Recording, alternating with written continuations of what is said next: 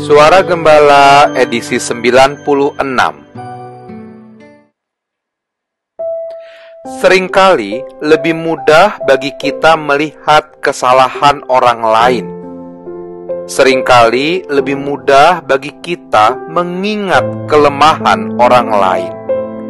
Seringkali lebih mudah bagi kita menghakimi keburukan orang lain saat berhadapan dengan si pendosa, kita memandang dengan hina, seolah kita yang paling sempurna. Hati kita menjadi keras dan penuh dengan kebencian. Saudaraku, bukankah tidak seperti itu yang Yesus teladankan bagi kita? Dia mengajarkan kasih dan pengampunan.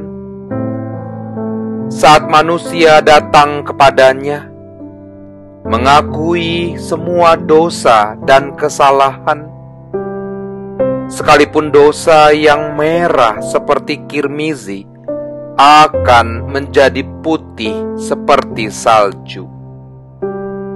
Ya, benar, sungguh ajaib benar anugerah pengampunan yang Allah berikan. Karena itu, layak dan sepantasnya kita pun melakukan hal yang sama pada sesama. Terpujilah nama Tuhan. Amin. Ajar.